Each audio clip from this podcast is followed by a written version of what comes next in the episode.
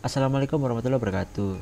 Halo, perkenalkan nama saya Bidan Saifuddin dari kelas 11 MIPA 5 nomor absen 11. Di sini saya akan membicarakan tentang sesudah dan sebelum terjadinya proklamasi. Kira-kira apa sih perbedaannya setelah dan sebelum proklamasi? Tapi saya nggak sendiri, saya ditemani dengan teman saya yang bernama Daniel Rasika, absen 12. Oke, jadi kita mulai. Pada tanggal 15 Agustus 1945, Jepang mengaku kalah dalam Perang Dunia Kedua setelah dua kotanya dibombardir oleh sekutu, yaitu kota Hiroshima dan Nagasaki. Mendengar kabar itu, warga Indonesia menyambut baik karena akan segera memproklamasikan dan segera bebas negaranya. Dengan begitu, dibentuklah Badan Penyelidik Usaha Persiapan Kemerdekaan Indonesia atau biasa disingkat dengan BPUPKI. BPUPKI didirikan sebagai persiapan kemerdekaan Indonesia dengan dipimpin oleh Rajiman Widyoningrat. Setelah itu, BPUPKI berganti nama menjadi PPKI atau dengan kepanjangan Panitia Persiapan Kemerdekaan Indonesia yang dipimpin oleh Soekarno dan Hatta.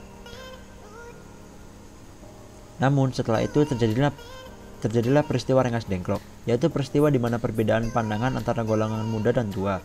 Golongan muda yang ingin ingin segera merdeka berkat perjuangan sendiri, sedangkan golongan tua tidak ingin tergesa-gesa menunggu arahan dari Jepang karena dari itu terjadilah peristiwa Rengas Dengklok yang diasingkan IR Soekarno dan Muhammad Hatta agar tidak terhasut dengan golongan tua. Setelah Rengas Dengklok, Soekarno dan rombongan kembali ke Jakarta dan segera melakukan pertemuan untuk membahas persiapan proklamasi kemerdekaan. Pertemuan itu dilakukan di kediaman Laksamana Maeda yang saat itu sedang menjabat sebagai kepala kantor penghubung Angkatan Laut.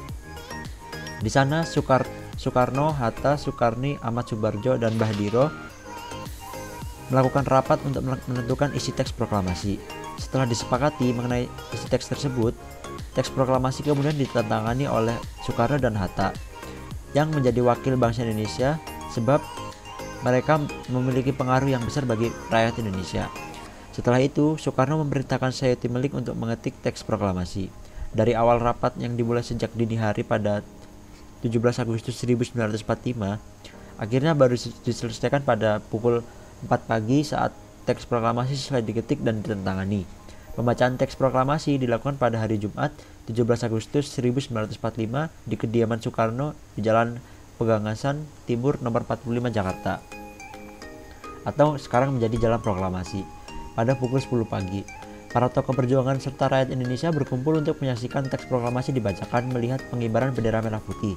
Setelah Soekarno yang didampingi Hatta membacakan teks proklamasi, bendera sangkaka merah putih yang dijahit oleh Ibu Fatwati juga berkibar oleh Suhud dan Latif Hendra Diningrat saat pengibaran. Saat pengibaran bendera saat pengibaran saat pengibaran para bendera, saat pengibaran bendera, para hadirin yang datang pun menyanyikan Indonesia Raya dan Indonesia pun dinyatakan telah merdeka dari penjajahan dengan perjuangan yang tak kenal menyerah dari para pahlawan. Meskipun banyak kendala dan argumen, akhirnya para tokoh bisa mempersatukan diri dengan memiliki cita-cita yang sama yaitu ingin merdeka. Nah, selanjutnya setelah pro, setelah proklamasi atau setelah merdeka akan dijelaskan langsung oleh teman saya yang bernama Daniel Razika. Ada empat peristiwa penting setelah proklamasi kemerdekaan Indonesia. Proklamasi yang dibacakan Soekarno pada 17 Agustus 1945 ternyata bukanlah akhir dari perjuangan Indonesia. Setelah proklamasi masih ada banyak hal yang harus dilalui Indonesia sebagai negara baru. Perjuangan para tokoh proklamasi kemerdekaan masih panjang. Terlebih saat itu perang Pasifik baru saja berakhir. Hal itu membuat semua wilayah kekuasaan Jepang akhirnya jatuh ke tangan tentara sekutu bernama Ali Forces Netherlands at Indies yang disingkat AFNI. Kedatangannya ke Indonesia yang diboncengnya Netherlands Indies Civil Administration ternyata tidak disukai masyarakat Indonesia. Hal tersebut menyebabkan masyarakat harus melalui sejumlah pertempuran yang menjadi peristiwa penting setelah proklamasi kemerdekaan Indonesia. Berikut jumlah peristiwa penting tersebut. 1. Peristiwa di Surabaya dalam perjuangan di Surabaya terdapat dua peristiwa penting. Pertama saat insiden bendera di Hotel Yamato. Pada tanggal 19 September 1945, Belanda mengibarkan benderanya negaranya yang berwarna merah putih biru di Hotel Yamato sehingga menimbulkan kemarahan para pemuda Indonesia.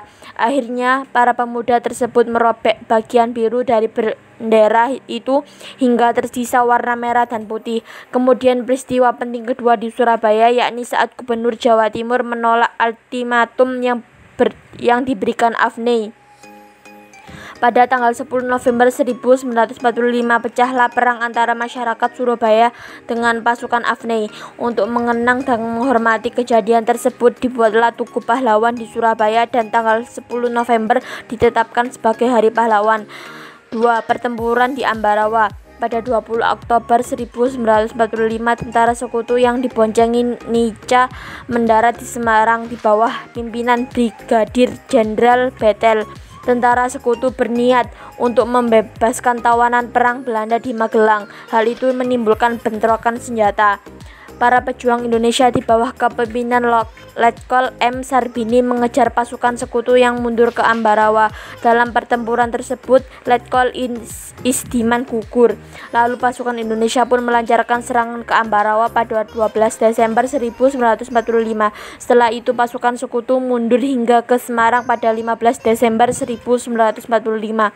Hal itu membuat tanggal 15 Desember menjadi peringatan Hari Infanteri dan dibangunnya Monumen Palagan Ambarawa. Dan ada juga peristiwa di Bandung Lautan Api. Tentara sekutu mengeluarkan ultimatum pada 21 November 1945 agar kota Bandung bagian utara dikosongkan paling lambat 29 November 1945.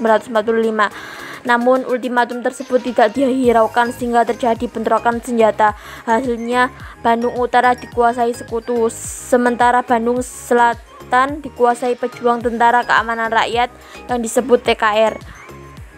Ultimatum kedua pun diberikan sekutu agar masyarakat dan TKR segera mengosongkan Bandung Selatan pada 23 Maret 1946.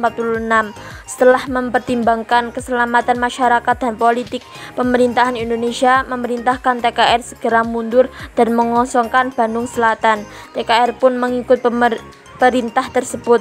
Namun mereka tidak mau memberikan Bandung Selatan secara cuma-cuma sehingga para pasukan membumi hanguskan wilayah tersebut.